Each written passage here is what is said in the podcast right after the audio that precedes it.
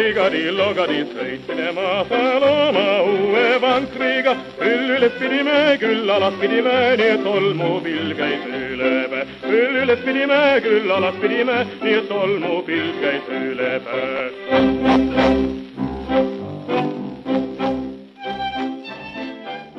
tere kuulama järjekordset tasku Vikerkaart Ida raadios ja erinevates äppides. mina olen Aro Velmet ja täna räägime Linda Kaljundiga pildist ja sõnast Linda toimetas viimase Vikerkaare artikliosa, mille pealkirjaks sai Piltide impeerium ja kirjutas sinna ka ise artikli teaduspiltidest, palun kõigil lugeda. tere, Linda! tere, Aaro! alustuseks ma kasutan saatejuhi privileegi ja tõmban teema laiemaks, sest et tegelikult kõneleb ju kogu see Vikerkaare number põhimõtteliselt representatsioonist ja selle erinevatest tõlgendustest. ja viimastel nädalatel on nendest teemadest avalikkuses päris palju räägitud seoses ühe tangiga, mis erinevatele inimestele väga erinevaid asju representeeris ja mis nüüd hiljuti Viimsi sõjamuuseumisse transporditi. Äh, Linda, kuidas sina kunstiteadlasena äh, ja visuaalkultuuri uurijana äh, sellest viimaste nädalate poleemikast mõtled mm? -hmm no ma arvan, mõtlen sellest nii kunstiajaloolasena kui mäluajaloolasena või lihtsalt ajaloolasena aga kindlasti võib-olla ka just selle Vikerkaare erinumbri kontekstis on tulnud meelde, et äh, pronksi ajal rääkisid ju mitmed kunstiteadlased nagu Krista Kodres või näiteks ka semiootik Peeter Torop sellest, et meil oleks vaja rohkem sellist visuaalset kirjaoskust ja rohkem äh, oskust erinevate representatsioonide, piltide, sümbolitega toime tulla ja teistpidi võib-olla ka rohkem arutelu selle üle, et mis on piltide roll ühiskonnas või erinevate ideoloogiate juures. ja võib-olla see, et me näeme seda arutelu puudumist või ütleme, selle konflikti sellist kiiret eskaleerumist, äh, on ka selle tulemus, et järsku meil ikka vahepeal ei ole olnud piisavalt palju juttu sellest, kuidas pildid ühiskonnas opereerivad ja milliseid tegusid pildid teevad no üks küsimus piltidest tuli mulle pähe siis, kui ma vaatasin äh, kas ühesõnaga mõne päeva eest ilmunud, me oleme siin augusti keskpaigas praegu, kui seda saadet salvestatakse, artiklit Eesti Päevalehes äh,, mis oli selle tanki teisaldamisest Narvas, selline äh, suuresti just piltidele keskenduv reportaaž. Ja see oli just väga huvitav, sellepärast et äh, see reportaaž oli minu meelest nagu väga suures kontrastis selle äh, pildikeelega, millega seda tanki siiamaani oli representeeritud, kus sul on see pilt sellest tangist, siis reeglina sul on selline ähm, ähvardav kahur, mis on suunatud äh, kaamera objektiivi poole ja ta ikkagi noh äh,, paistab kui mingisugune noh, kui sõjamasin, mida ta tegelikult, eks ju, ka kunagi oli. ja sellel Eesti Päevalehe reportaažil, mis pärast sotsiaalmeedias sellise putinistliku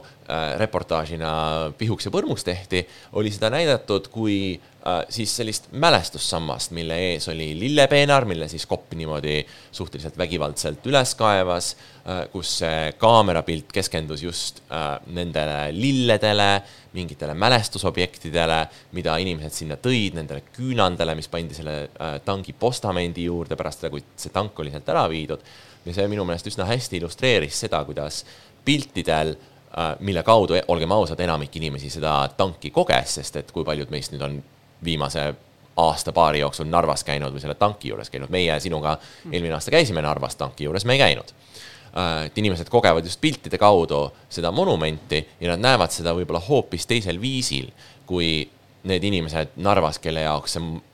tank mälestusmärgina üldse oluline on, et äh, Äh, mis mõtteid see sinus tekitas mm? -hmm. ma ise seda Päevalehe reportaaži ei näinud, ma nägin Postimehe pildireportaaži, ma arvan, et siin on kaks asja koos, eks ole, et üks asi on see, et kuidas me suhestume selliste nagu ajalooliste piltide või ka monumentide ja sümbolitega avalikus ruumis. teine asi on tõepoolest see, et me tänapäeval järjest rohkem infot saame piltide kaudu, visuaalselt, olgu siis nagu fotode või videode kaudu. Ja just see nagu ka näitab veel kord seda, et kuivõrd palju on meil vaja nagu arutelu selle üle ja, ja ma arvan, meil kõigil nagu sellist eneseharimist, et osata pilte vaadata kriitilisest vaatenurgast ja ja võib-olla just nimelt need selline tanki teisaldamise reportaažide, võimalike reportaažide galerii oleks väga hea viis, kuidas nagu arutada selle üle, et kuidas ühte sama sündmust on võimalik väga erineva rakursi alt kujutada, nii nagu ka ühte sama monumenti on võimalik väga erinevalt kujutada, keskendudes siis kas selle nagu ähvardavana näitamisele, eri, näiteks Nõukogude sümboolikale selles või tõepoolest sellele, mis side on kohalikul kogukonnal selle monumendiga. teine asi, mis äh, või teine teema, mis selles Vikerkaare numbris omab päris keskset kohta on see taristu, mis on nende piltide taga. et kuidas neid pilte loodi ja kuidas neid ähm, levitatakse mm. -hmm. ja, ja ka see on minu meelest selles tanki küsimuses olnud äh, päris oluline, sest et äh, kindlasti äh, need meediakanalid, mille kaudu näiteks eestikeelsed lugejad saavad ülevaate sellest, mis selle tanki juures parasjagu toimub, ei ole päris needsamad meediakanalid, mille kaudu äh, siis näiteks Narva elanikud saavad seda infot. Äh, ja eks see tank ise ja see, see, mida ta tähendab, see tähendus on loodud ka erinevate lugude ja erinevate kanalite kaudu, et äh, kas siin on mingeid selliseid visuaalseid äh, infrastruktuure, mida sa tahaksid esile tuua, millest me peaksime mõtlema, kui me selliseid äh, mälukonflikte ühiskonnas lahkame mm? -hmm noh, ma arvan kindlasti see piltide loomise infrastruktuur või ka need võimustruktuurid ja, ja meedia, mis seal taga on, et seda, seda kõike tuleks teadvustada, eh, ka neid erinevaid, ütleme siis e-, Eesti meediaväljaandeid versus siis erinevaid sotsiaalmeedia ja muid platvorme, mille eh, abil levitatakse siis eri, erinevaid pilte ja piltide kaudu erinevaid lugusid sellest tangi teisaldamisest aga, aga ma arvan, võib-olla millega praegu peaks ühiskonnas ka aktiivselt tegelema, on seda, et tõesti, et teadvustada, et muuhulgas suuresti just piltide abil sünnivad äh, väga erinevad lood sellest äh, punamonumentide teisaldamisest, nii, nii tangist kui, kui ka nendest mõningatest teistest monumentidest, mis on juba äh, oma kohalt ära viidud ja, ja noh, just ka vaade, nagu tuua, ma arvan, ikkagi neid erinevaid nagu vaieldamatult tõesti konfliktseid narratiive kokku ja üritada kuidagi ühiskonnas toime tulla sellega. ja siin võib-olla tõesti jällegi see teadvustamine just, et noh, et see on pilt ja, ja see on representatsiooni roll nagu nende erinevate lugude konstrueerimise juures on hästi suur. ma ei ütle, et see on nagu lihtne asi saavutada selles ühiskonnas, mis on praegu konflikti ümber niivõrd üles köetud, aga et seda võiks vähemalt üritada ma mõtlesin selle tanki juures ausalt, me lähme varsti selle Vikerkaare äh, numbri juurde ka, aga see on minu meelest lihtsalt nii kohutavalt hea näide. Ähm, kui ma rääkisin oma sugulaste ja, ja, ja tuttavatega sellest tangist, siis me tegelikult äh, täitsa imestas, et kui palju inimesed kasutasid äh, oma äh, arvamuse väljendamisel sellist esteetilist keelt või esteetilisi kategooriaid, et et noh, et mõne, mõnikord me rääkisime küll sellest, et mida see tank sümboliseerib, et Nõukogude võim ja, ja nii edasi ja viiskümmend aastat iket ja et milleks kõik see, aga hästi palju oli ka lihtsalt juttu sellest, et, et et see tank on selline agressiivne sümbol, et inimesed ei saa aru, kuidas keegi võib selle eest teha oma pulmapilte, mis ometigi peaksid olema, eks ju, sellised esteetiliselt kaunid ja sümboliseerima armastust ja siis sa lähed mingisuguse tangi juurde. et kuidas, kuidas sellised esteetilised kategooriad töötavad, et kuidas saab tankist näiteks äh, mingi koht, kus on täiesti normaalne teha pulmafotosid ja siis sa vaatad neid pärast ja, ja õhkad, et vaat kui kaunis hetk siin oli mm. -hmm no e, kindlasti ta ju Eesti-Vene kogukonna, ma arvan, vähemalt osade liikmete jaoks just selliseks e, sümboliks on saanud ja noh, ma arvan, et siin tuleb vaadata tagasi umbes kuskile seitsmekümnendatesse aastatesse, kui suure Isamaasõja ehk Teise maailmasõja mälestus e, sai Nõukogude Liidus järjest olulisemaks, eks ole, ja, ja muuhulgas just erinevate nagu visuaalsete kujutiste kaudu ka osaks inimeste igapäevaelust või nende igapäeva äh, rituaalidest, aga noh, et eks ta teistpidi kindlasti ka noh, ta ei sümboliseeri võib-olla sõda sellises agressiivses tähenduses, vaid on nagu selles kultuuriruumis omandanud pigem sellise järjepidevuse ja seosed esivanemate ja nende ohverdusega, eks ole, ja kindlasti muidugi ka see lugu, eks ole, Euroopa fašismist vabastamisest, eks ole, ja see on kindlasti võib-olla see tähendus, mida praegu Eestis on ma ei tea, kas raske mõista, aga vähemalt avalikus ruumis kommunikeerida, et tõepoolest tank võib omada vägagi teistsugust tähendust. nojah, selline tervemõistuslik Eesti mees ütleks selle peale, et no kuidas ta nüüd ei sümboliseeri sõda, no tank on ju sõjavahend mm. -hmm. noh, ma arvan lihtsalt see argument, mis viimastel nädalatel või ma ei tea, viimase kuu aja jooksul on kõlanud hästi sageli, et mis siin arutada, et see on hästi ohtlik, et kui me ütleme, et mingid teemad ei olegi arutamisväärsed, siis me, ma arvan, pigem tekitame ühiskonnas probleeme juurde, kui, kui lahendame neid. aga mis puudutab seda sellist esteetilist keelt ja selle kuidagi nagu laadimist, sellist, mis ma arvan, Eesti avalikule ruumile ka hästi iseloomulik, et inimesed on hakanud rääkima hästi emotsionaalselt tankidest ja, ja erinevatest muust Nõukogude sümboolikast, et kuidas nad tunnevad, et see neid äh, solvab või, või muul viisil emotsionaalselt negatiivselt liigutab, et see on ka hästi-hästi huvitav, et kuidas see selline emotsionaalne plahvatus on nüüd praegusel suve ajal tekkinud. Äh, ja teiselt poolt, eks ole, on ka nagu selline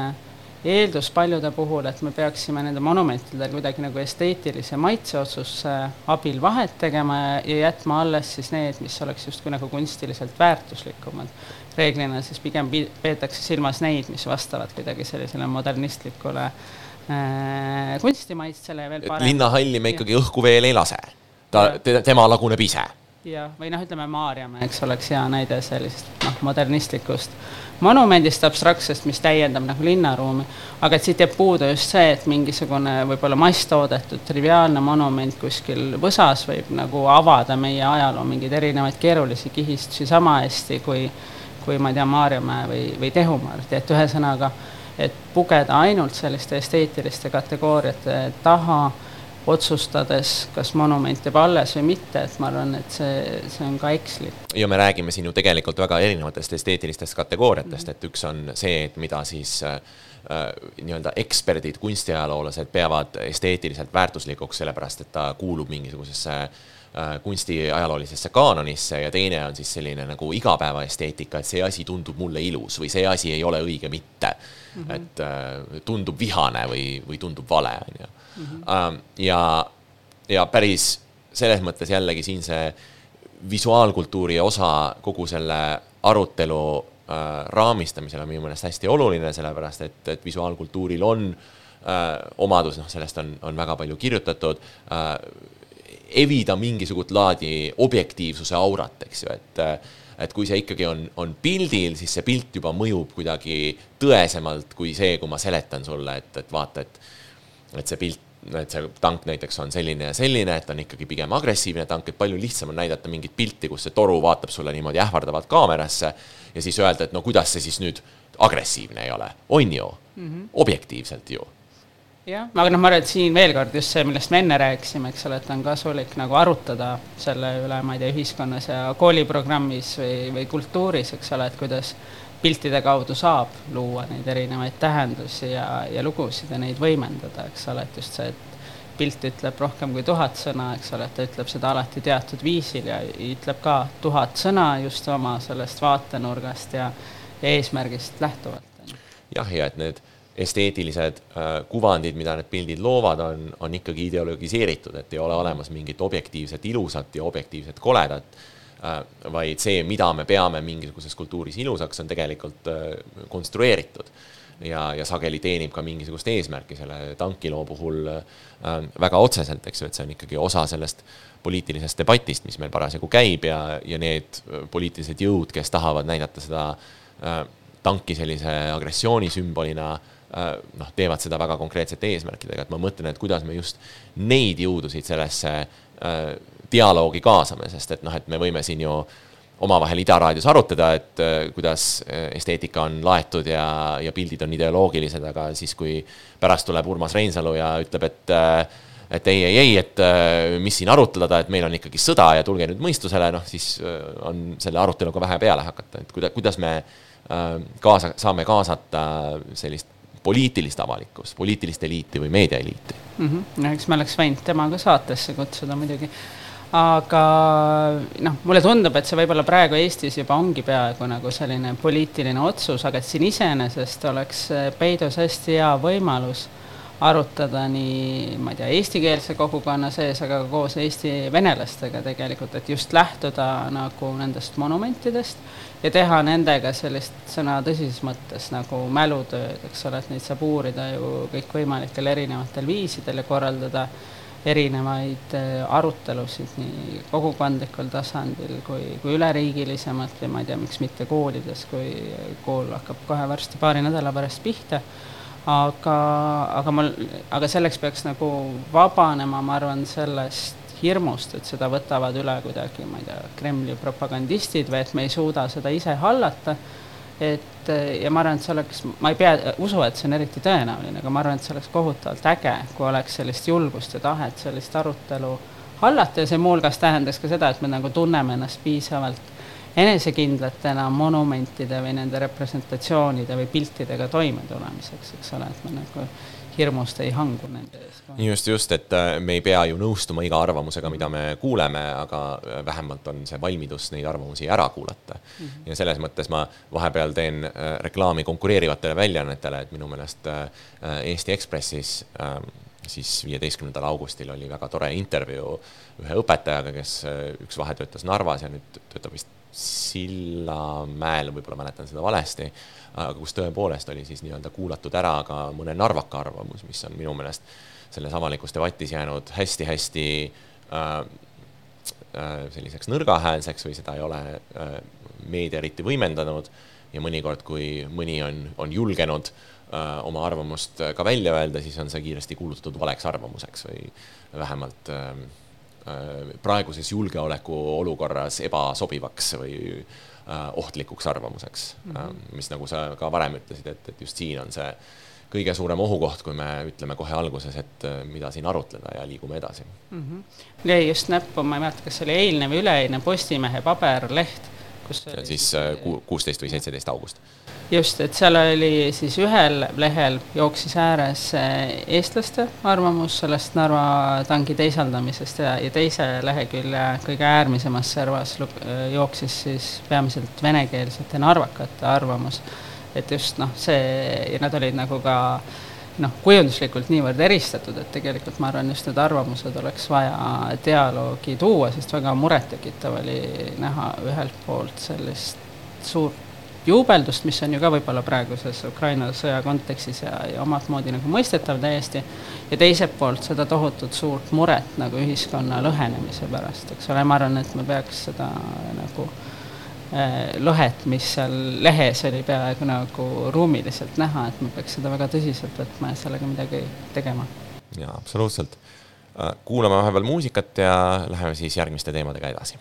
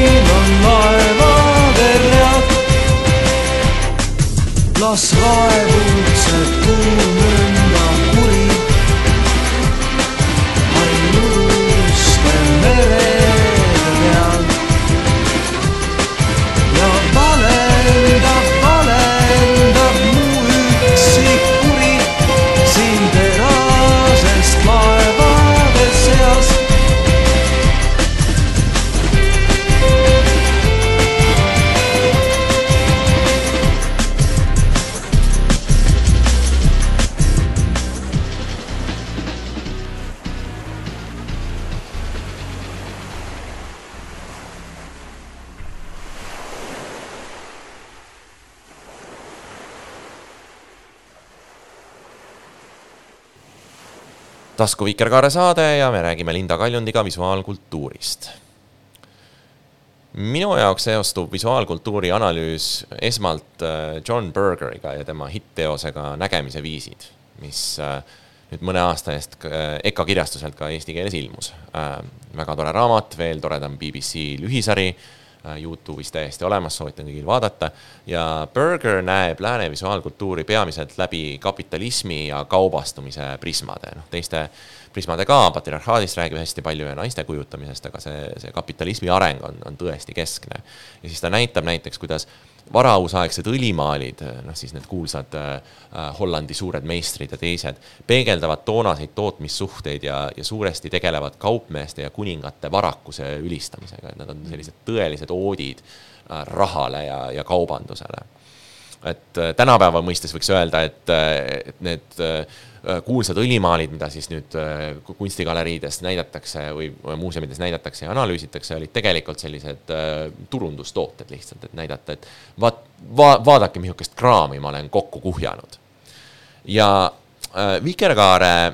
visuaalkultuuri numbri juures üllatas mind just selle kapitalismi kriitilise dimensiooni äh, noh, suures osas puudumine, et teda, ta siin-seal tuli sisse ühes või teises vormis, aga ikkagi väga palju keskenduti teistele küsimustele, nagu hästi palju oli äh, sotsiaalmeediast ja popkultuurist, äh, teaduspildini ma tahaksin arutelus veel jõuda, aga kas pilt kui kaup, kui kapitaliringluse osa, kas ei ole lihtsalt enam nii huvitav teema, kui, kui pool sajandit tagasi, seitsmekümnendatel, kui, kui Berger oma, oma sarja tegi? mm. -hmm. no ma arvan jah, et siis just seitsmekümnendatel või võib-olla isegi veel mõne aeg edasi see selline uus vaade kunstile, ma arvan just nagu seal varauusaegses Hollandis oli, oli tõesti uus ja võib-olla sellepärast erutas ka kunstiteadlaste meeli rohkem. aga, aga ma arvan, et, et see, kuidas meie erinumbri või selle erisektsiooni loogika siin kujunes, et see sõltus paljuski ka kirjutajate endi huvidest, et me kindlasti tahtsime tuua fookusesse just nagu pildianalüüsi noh, tunnetas, et ühtepidi seda võiks olla rohkem Eesti ühiskonnas ja teistpidi ka nagu tajudes, et ka Eesti kunstiteadlased võiks rohkem tegeleda piltide kriitilise analüüsiga, sest ma arvan, et on hästi suur selline tekstide analüüsimise laine olnud Eesti kunstiteaduses, kunstiajaloos viimasel ajal äh,. aga, aga võib-olla jah, et küsides inimestelt nagu sellist värsket vaadet piltidele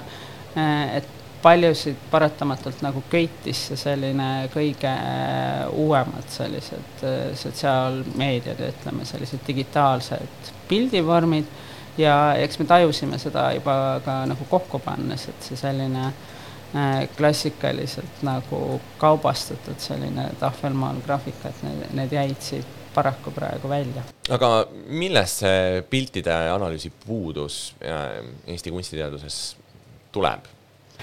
ma arvan, et, et tekstiline pööre on ju midagi, mis on mõjutanud ajalooteadust ja,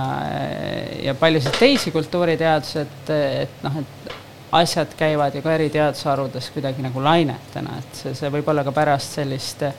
iseseisvumist kuskil üheksakümnendatel, kahe tuhandendatel on nagu noh, et kõik need sellised uh, uued kriitilise tekstianalüüsi võimalused on teadlasi palju köitnud ja, ja võib-olla ka see selline soov kuidagi seda kunstiajaloo enda ajalugu ümber mõtestada ja kuidagi saada nagu iseendast teadlikumaks, et see on võib-olla ka suunanud just selliseid kunstiteadlasi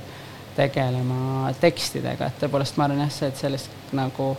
pildi analüüsi on, on suhteliselt vähe jah, või isegi kui vaadata mingeid Kunstiakadeemia lõputöid, et neid selliseid nagu visuaalsust ühel või teisel moel analüüsivaid töid on ka pigem jah, võib-olla üks valdkond, kus seda on mingil määral olnud, äh, minu meelest Eestis on see osa, mis puudutab äh, reklaami ja turundust, ehk siis jällegi nagu seda väga-väga otseselt äh, kaubastamise ja kapitalismiga seotud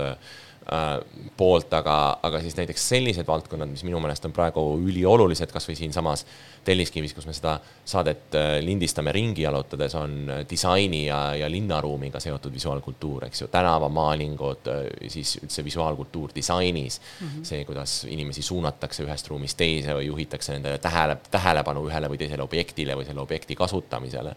et see on nagu täiesti puudu ja, ja siis võib ju küsida, et, et mida me sellega kaotame, et mis, millised arutelud jäävad pidamata, sellepärast et meil sellist analüüsi ei ole mm. -hmm. ja tegelikult me ka selle reklaami või vist isegi ennekõike poliitreklaami teemaga õngitsesime ka mitmeid võimalikke autoreid, aga,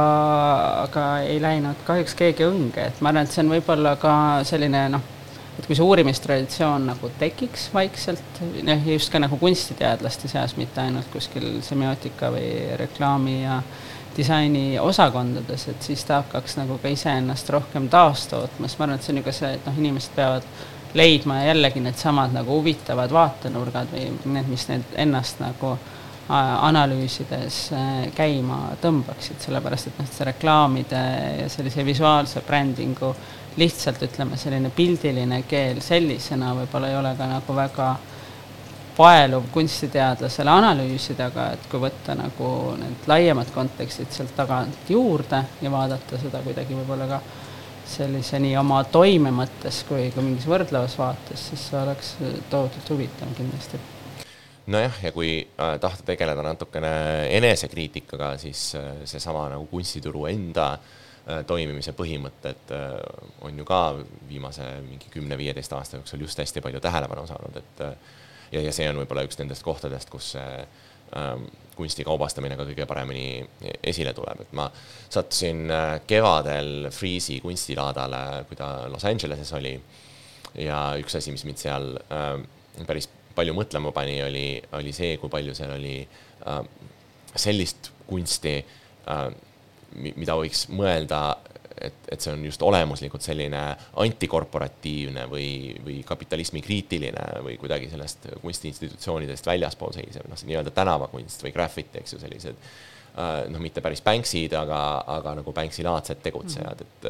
kes ikkagi soovis, võis, võis leida endale selle sellise seina suuruse äh, graffiti ja siis äh, ilmselt panna ta kuskile keldrisse tolmu koguma, et siis ta kümne aasta pärast äh, korraliku äh, kasumiga maha müüa. et äh, tekitas päris palju küsimusi selle kohta, et kas äh, visuaalkultuuri kaubastamisest on üleüldse pääsu selles maailmas, kus me, kus me praegu elame mm,? küllap mitte, et ma praegu tulen ka just Eesti Kunstiakadeemiast, plaanisime järgmiste aastate või ennekõike järgmise õppeaasta plaane ja seda on hästi põnev ja ma arvan, ajastuomane näha, et tudengite seas on kohutavalt suur huvi just sellise kunsti kaubastamise, kunstituru kunsti brändimise teemade vastu, et seesama, eks ole, et ka kuidas eri, erinevaid äh, kunstnikke või, või žanre või, või laade, eks ole, kunstiturule sisse söödetakse ja edukaks muudetakse. et, äh, et ta on huvitav nii kaasajas kui tegelikult ma arvan, nagu Eesti või Ida-Euroopa kontekstis oleks ka kohutavalt huvitav vaadata seda, et kuidas siin see üheksakümnendatest alates on selline kapitalistlik kunstiturg ennast kehtestanud oma äh, erinevate äh, mudelitega ja, ja kuidas ta suhestub sellise äh, varasema nõukogudeaegse äh, kunstituruga, mis on nagu hoopis teistsugune ja väiksem, aga ka kindlasti eksisteeriv. aga ma arvan jah, et need uurimused on Eestis praegu tegemata või õigemini nad tahaksid võib-olla ka sellist mingit suuremat pealehakkamist ja, suurema rühmaga uurimisprojektiga lahti arutamist. ühesõnaga kõik abituriendid, kes seda saadet praegu kuulavad, siit tuleb järjest neid teemasid, millega EKA-sse kandideerida mm. -hmm. üks Burgeri jaoks oluline teema, mida tegelikult on päris palju käsitletud selles Vikerkaare numbris, on äh, nii-öelda kõrge ja madala visuaalkultuuri võrdselt kohtlemine, et äh, tõesti rõhutab seda, et tegelikult nagu need meetodid, millega visuaalkultuuri analüüsitakse, neid võib kasutada ükskõik, kas siis nende samade Hollandi õlimaalide peal või siis noh, antud numbri kontekstis siis äh, sotsiaalmeedia kassimeemide peal, millest kirjutab Liisa-Helena Lumberg. ja see oli päris huvitav artikkel, kus ta äh, näitab, kuidas kassimeemid mängivad sageli äh, selliste klassikalise kunsti noh, teostega konkreetselt, aga ka selliste tehnikate ja, ja võtetega, et et sul on võimalik teha, eks ju, Leonardo viimsest õhtusöömaajast selline kassimeemide versioon, mis siis ühtlasi kombineerib ennast mingisuguse teise karjuva naise meemiga ja nii edasi ja siis teistpidi sul on jällegi äh, võimalik võtta need äh, samad analüüsimeetodid, millega on vaadeldud näiteks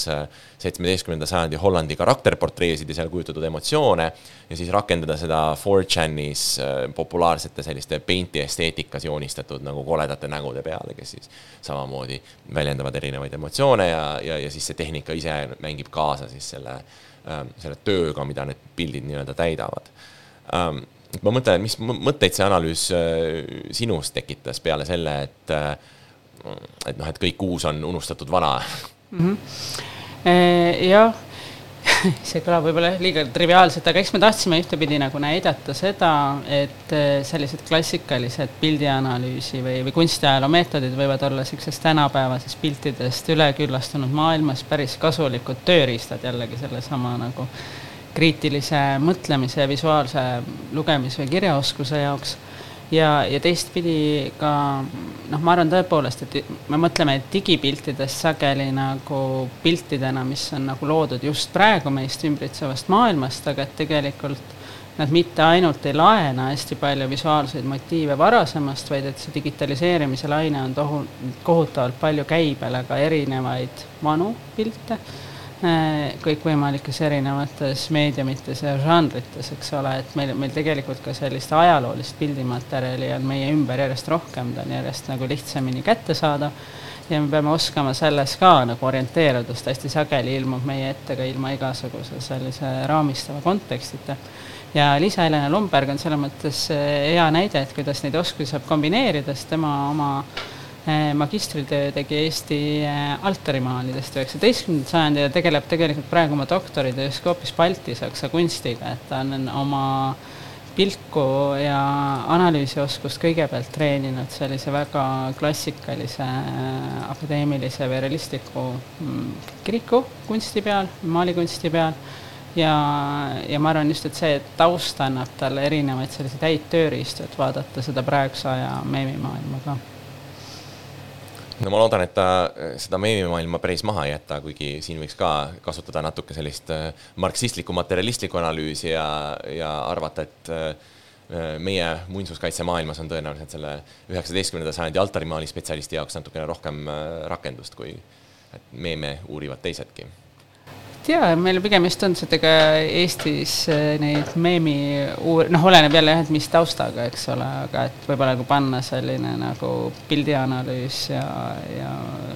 eri mingitest muudest kriitilistest vaatenurkadest, muuhulgas kaubanduslikest lähtuvalt meemianalüüs ja ideoloogilistest kokku, et siis võiks saada päris häid eh, teraseid tulemusi. kuulame vahepeal jälle muusikat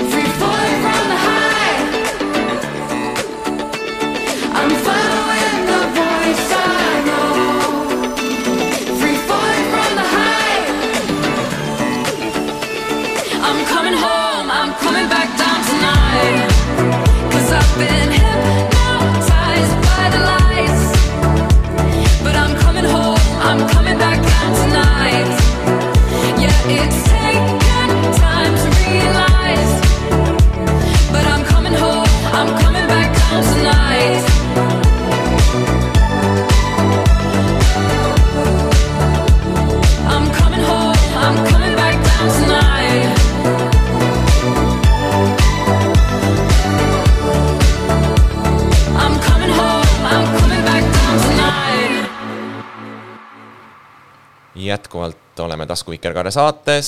räägime Linda Kaljundiga Vikerkaare piltide teemalisest erinumbrist, äh, mida Linda toimetas koos äh, Andres Kurega, Andres Kurgiga, kuidas ta tahab, et tema Andres Kurega jääme siis Kure juurde. tervitused Andresele. teaduspilt on üks selline keskne teema, millest kirjutad nii sina ja tegelikult kirjutab ka Andres. Andres võtab ette ühe moodultuumajaama, mida ehitatakse Kanadasse ja tahetakse kangesti ehitada ka Eestisse ja näitab, kuidas selle tuumajaama turundamisel kasutatakse väga spetsiifilisi esteetilisi võtteid, et kuidas selle kaudu, kuidas seda tuumajaama pildil näidatakse, et ta ei näe välja nagu mingisugune äh, põlevkivijaam või söekaevandus või selline nagu robustne tööstuslik hoone, kus on palju mingeid polte ja torusid, vaid et ta pigem meenutab sellist äh, nunnud pakirobotit või mingisugust Apple'i toodet, kõik on hästi valge, selliste ümarate kumerustega, näeb väga seksikas välja, samal ajal tuletab sulle meelde kõiki neid äh, Äh, masinaid, mille kasutamiseks sul on selle tuumajaama energiat vaja, eks ju, ja samal ajal loomulikult valge, valge värv seostub puhtuse, ohutuse, kõige heaga, et, et sealt küll kunagi ühtegi ähm, fosforselt äh, helendavat äh, äh, läga välja tulema ei hakka, et tegelikult see äh, turunduslik pilt teeb, teeb kohutavalt palju tööd äh,. ja siin samamoodi tulevad äh, esile kõik needsamad taristulikud ja, ja kapitalistlikud dimensioonid, et, et ega seda äh, selle tuumajaama taolises kujutamises on, on väga suured rahad taga äh,. ja sellel on ka oma ajalugu, mis ulatub äh, külma sõja äh, aegsesse perioodi tagasi ähm,. jällegi, mis, mis sina sellest artiklist välja korjasid sellise ähm, olulise tööriistana, mida võiks sealt kaasa võtta ja võib-olla ka teiste ehitiste või toodete peal rakendada peale tuumajaamade mm? -hmm noh, ma olen, seda Andrese idee arengut näinud nüüd juba, ma arvan, üle poole aasta ja ma arvan, teda tõesti nagu käivitas see, selle digitaalse renderduse äh, ilmselge nagu suhestumine selline Apple'i gadget'i esteetikaga. Ma arvan, üks asi, mis äh, minu jaoks nagu Andresega kaasa mõeldes oli siin huvitav ja teistpidi hämmastav, on tõesti see, et kuidas nagu äh, sellises kaasaegses, selgelt väga nagu majanduslikult äh, motiveeritud lobides, et kuidas nagu taaskasutatakse selliseid väga vanu stereotüüpe tuuma mm, siis jaamade kohta, eks ole, et mis, kui nad ju äh, Äh, käibele tulid, eks ole, et neid ka siis ju vastandatakse sellisele mm, ennekõike, eks ole, niisuguse söeenergia tootmise, millega inimestel nagu seostuvad, eks ole, selline silmaga nähtav toss ja, ja jäätmed, mida see jaam tahmased kaevurid. ja, ja tahmased kaevurid ja, või noh, kuigi kui vaadata, eks ole, kas või põlevkivi tootmise esteetikat nagu alates kolmekümnendatest aastatest või seda, kuidas seda nagu piltidel kujutatud, et eks nagu ka selline põlevkivi või söetööstus on ennast fotodel, piltidel püüdnud võimalikult puhta, läikiva ja siledana näidata, aga noh, selge, et see selline nagu niivõrd vana külma sõja aegne selline äh, tuumaenergeetika visuaalne nagu legitimeerimine, et seda tõepoolest jälle nagu kasutatakse, et ma arvan, et see on äh, huvitav ja tähelepanuväärne ja äh, kindlasti nagu vajab tegelemist Eestis praegu. Jah, seal artikli lõpus ka äh, Andres minu meelest väga tabavalt ütleb, et, et sageli mida sellised visuaalsed analüüsid näitavad, on, et, et küsimus ei ole mitte niivõrd objektide kujutamises, kuid te, kui teatud seoste ja suhete näitamata jätmises. et äh, terve hunnik sellist äh, ebamugavat, võib-olla vastuolulist, probleeme tekitavat kraami jäetakse nii-öelda kapoti alla mm. -hmm. et kõik need küsimused, mis puudutavad seda, et noh, et kust see Äh, kust see uraanium näiteks tuleb. Äh, no meie äh, geopoliitilises kohas tõenäoliselt noh, ütleme enne sõda ta tõenäoliselt oleks tulnud Venemaalt. ja nüüd, kust ta tuleb, on üleüldse hästi suur küsimus, mis saab nendest jäätmetest, mis tingimustes tegelevad need, töötavad need inimesed, kes seal tuumajaamas tegutsevad, kõik see saab pandud sellise ähm, valge kroomi alla ja siis kasutaja näeb ainult seda äh,, seda ilusat pealis, äh, pealiskihti ja, ja kui see idee on selle tuumajaama pool esile tõstetud, siis on väga keeruline seda mitte näha põhimõtteliselt kõikjal disainis, sellest on saanud sellise tootedisaini nagu põhimõtteline osa ja Andres toob seal välja selle, kuidas see töötab näiteks äh, arvutite puhul, eks ju, kus on noh, täiesti tekkinud väga oluline ja, ja tervet seda tööstust struktureeriv eristus front-end'i ja back-end'i vahel, eks ju, front-end on see, kus ähm, on see osa, millega kasutaja kokku puutub, see kasutajaliides, see, see hiir, see kuvar, see äh, visuaalne jällegi äh, pilt, mis talle kuvarile pannakse ja siis back-end on kõik see, mis toimub äh, ähm, selles koodis ja mis toimub selles siis mikrokiipide süsteemis, mille juurde üha sagedamini tootjad tavainimesi enam ei lasegi. sa pead ikkagi oma arvuti viima kuskile Apple'i teenindusse, kui sa tahad seal, ma ei tea, akut vahetada mm. -hmm. Jaa, kindlasti, et ta noh, jätab palju näht-, nähtamatuks, eks ole, või et kuidagi mingist sellist keskkonnaajaloo mõttes võiks rääkida ka sellisest nähtamatust tarbimisest, eks ole, või nähtamatust saastamisest, mitte ainult noh, just see, et kus kütus tuleb, kuhu ta läheb, milliseid tehnoloogiaid, mis selle jaama juures on veel vajalikud inim, inimtegevust, eks ole, see, see pilt ei, ei näita võib-olla see nagu minu jaoks ka laiemalt eh, viis mõtted selleni, et me ei ole Eestis ka eriti palju nagu rääkinud üldse sellisest energia tootmise ajaloost ja sellest, kuidas seda on eri ajahetkedel muuhulgas just nagu visuaalselt legitimeeritud ja mida on siis vaatajale näidatud, mida on näitamata jäetud, et praegu Äh, just paralleelselt äh, Andrese artikliga Elle-Mari Talivee, kirjandusteadlane, kirjutab äh, artiklit aatomiku lugudest ja sellest noh, näitab, et kuidas tegelikult väga varakult on Eestis ja tähenduslikult just nagu lastekirjanduses, hiljem laste multifilmis mõeldud ka nagu tuumaenergeetika ja selle võimalike nagu ohtude üle aga, aga teistpidi ka otsitud viise, kuidas seda nagu vaatajale nunnustada jah, selles äh, multifilmis figureerib ka väga tore tegelane, küberneetiline karu hoopis teisest valdkonnast, samamoodi hästi, hästi huvitavalt visualiseeritud. Äh, üks kiire California lugu siia ka veel juurde, et, äh,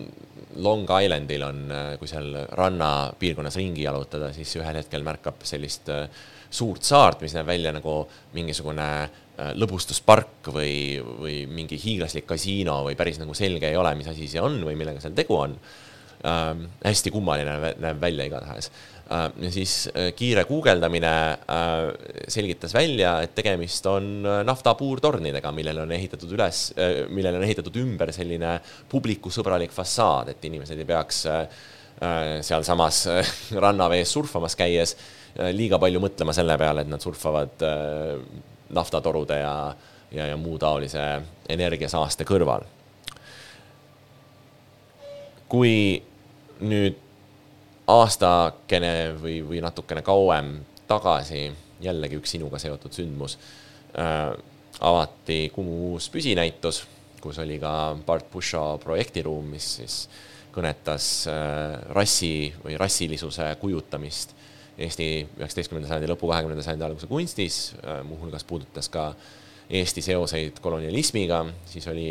terve hulk inimesi, kes äh, noh, enam-vähem naersid selle teema välja, ütlesid, et noh, et mis seos meil kolonialismiga on, et, äh, et äärmisel juhul me võime öelda, et me oleme olnud koloniseeritud rahvas, aga, aga noh, mingit süüd või vastutust või üleüldse mingisugust komplekssemat seost meil selle teemaga küll ei ole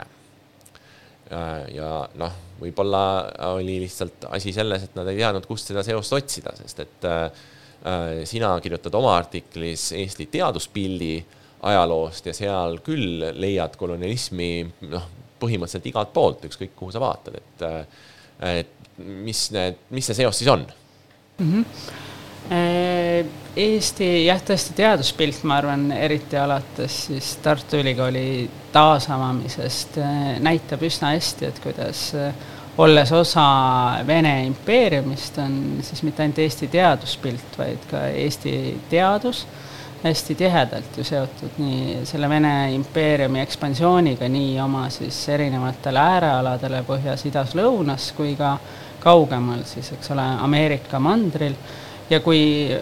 siiamaani, ma arvan, nii neid baltisaksa maadeavastajaid kui ka teadlasi ollakse harjutud nagu esitama ja neist mõtlema nagu sellise teaduse progressi või meresõidu ja ma ei tea, kaartide edenemise võtmes, et, et siis see taustsüsteem, millelt nad nagu tõukusid, kus nad rahastust said ja kuidas nad ennast ka ise nägid, et see selgelt seostub siis sellise Vene impeeriumi huviga neid alasid kontrollida, aga neilt ka erineval viisil Äh, kasu saada, olgu siis maavarade või muude loodusressursside näol. Äh, ja ma arvan, et eks see on äh, ühtepidi võib-olla see meie vaegus nagu, et meil on niivõrd Eesti ajaloos vähe selliseid suuri kangelasi, et need baltisaksa maadeavastajad täidavad sellist klassikalist, traditsioonilist, konventsionaalset rolli siin aga teistpidi võib-olla see on nagu selline nõukogudeaegne traditsioon esitada sellist Vene koloniaalekspansiooni kui midagi justkui nagu täiesti erinevat sellest, kuidas Briti või Prantsuse või, või mõni teine koloniaalimpeerium laienes. aga, aga ma arvan, et see on äh, murenemas võib-olla Eestis ka, saab olla huvitav näha, kuidas käimasolev Ukraina sõda ja sellega nagu kaasnev hästi äh, selge ja jõuline Vene imperialismi kriitika, et kuidas see võib-olla ootamatult mõjutab ka selliseid Eesti teadusloolasi või, või ka Eesti ajaloolasi nagu mõtestama ümber ennekõike siis baltisakslaste, aga tegelikult ka eestlaste rolli Vene impeeriumis. jah, teine asi, mis äh, sealt teaduspildi uurimisest välja tuleb, on nende äh, piltide selline vastuoluline ajalugu, et, et ühelt poolt sul võivad olla pildid, mis siis tõepoolest äh, äh taastoodavad mingisuguseid koloniaalseid pilkusid näiteks eksootilistele lilledele, äh, millega siis äh, mingisugust maailma piirkonda nii-öelda teisestat-, teisestatakse, näidatakse, et vaadake, et sealsed asjad ei, ei ole päris sellised nagu meil ja samal ajal kehtestatakse sellist vallutaja pilku, eks ju, et meie nüüd tekitame siia eksootilisse maailma mingisuguse korra, näitame, mis on mis ja kes on kes. ja siis teisalt jällegi on, on see üks Äh, allikas, kus võib leida näiteks naiskunstnikke, kes muidu selle perioodi Eesti kunstis on ikkagi nagu väga alaesindatud. Ähm, miskipärast tuli just äh, meelde, kuidas äh, ähm, sõbranna külastas Vabariigi Presidendi Kantseleid, kus siis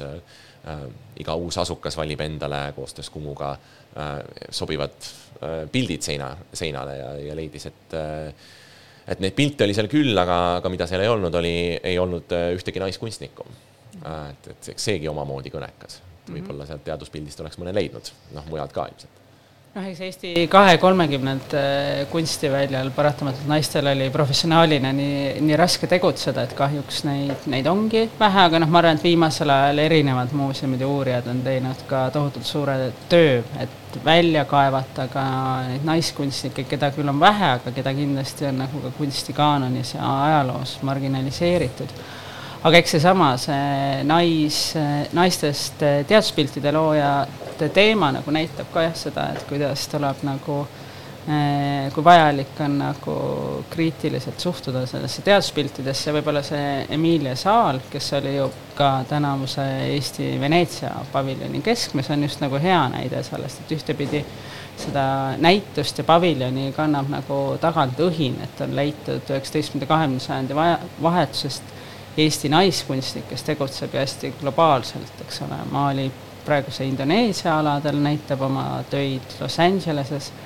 äh, aga et teistpidi on, on ilmselge, et need on osa siis mitte ainult sellise Indoneesia looduse eksotiseerimisest, tema need pildid orhideedest ja teistest taimedest, vaid ka osa, eks ole, selle kaubastamisest ja läänes siis sellise eksootilise äh, eksootiliste taimede vastu nagu iha, iha tekitamises, eks ole, et sa pead nagu äh, noh, et ükskõik kui tore ei oleks neid naisteaduspiltide autoreid leida ja ma arvan, et on oluline rääkida sellest, et need muuhulgas naised on nende teadmiste loomisel mänginud olulist rolli, ja teistpidi peab samal ajal kohe ka näitama selle piltide enda väga sellist selgelt erinevate võimusuhetega seotud toimimist.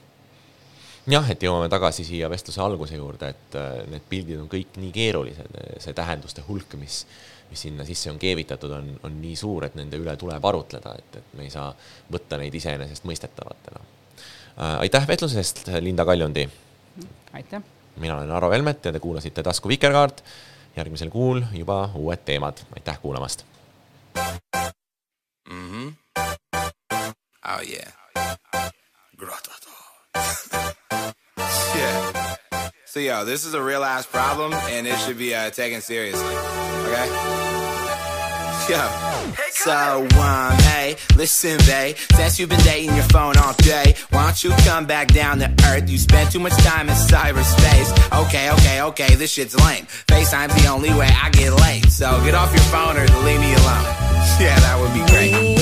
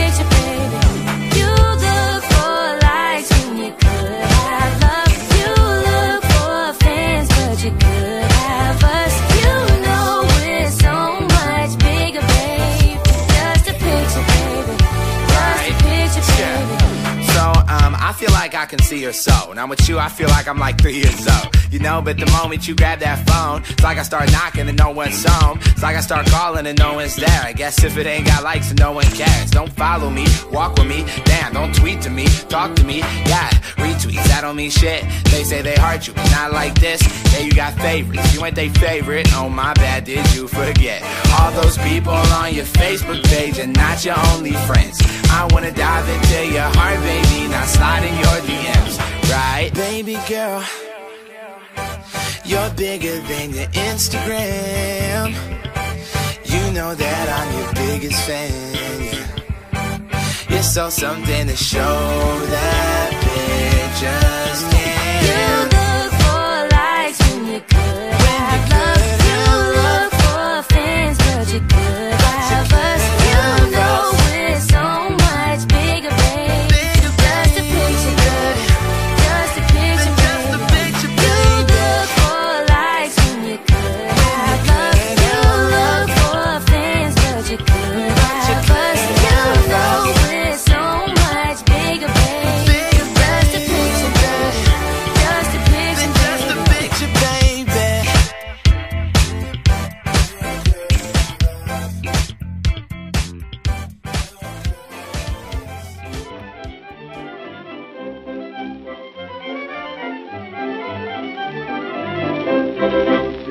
Siis ligadi-logadi sõitsin ema nii edasi kurva meelega. küll üles pidime, küll alas pidime, kuid enam mina neiukest suudlema ei lähe. küll üles pidime, küll alas pidime, kuid enam mina neiukest suudlema ei lähe.